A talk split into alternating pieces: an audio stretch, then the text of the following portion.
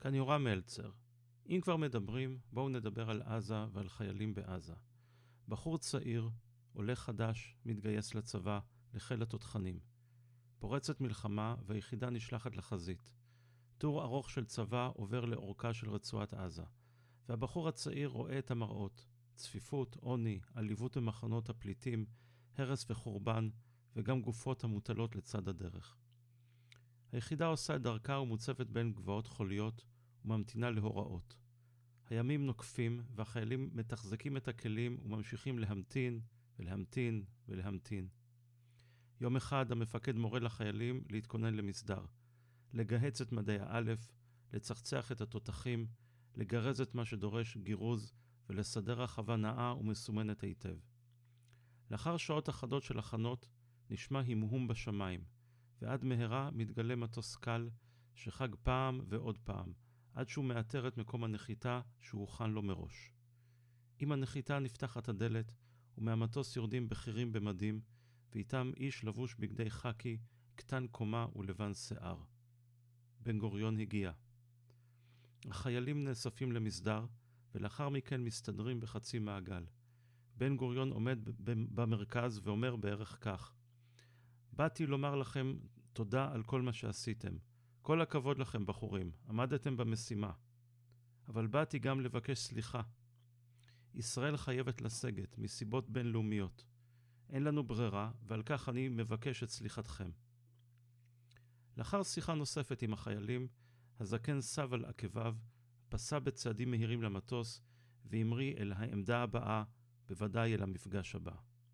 החייל לא שכח דבר מכל זה, וסיפר את הסיפור כל ימיו.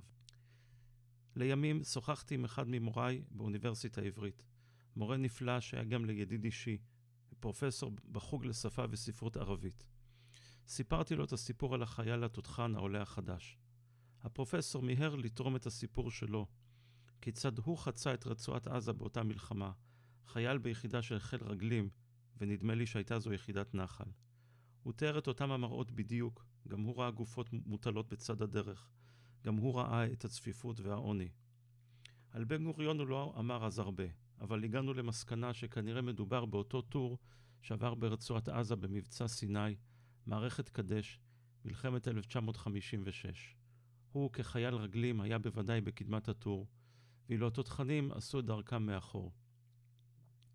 לידידי הפרופסור לא היו אשליות באשר למזרח התיכון, וגם העולה החדש לא השלה את עצמו. אבל שניהם זכרו היטב את המקום הרע ההוא, את חוסר המוצא ואת הגופות של הצד האחר, אנשים, בני אדם, פליטים, מקומיים, ערבים, שמתוכם יצאו וקמו פדיון בלשון אותם ימים, מי שהיו פעם עוד קודם לכן פורעים, ולימים בניהם ובני בניהם היו למחבלים ומפגעים, ומי יודע מה עוד.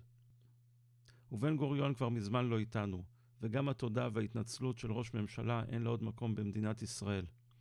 והפרופסור גם הוא הלך לעולמו, ולא מזמן, הבלשן הגדול והאיש הנפלא אריה לוין, אביו של שר המשפטים של הממשלה הנוכחית.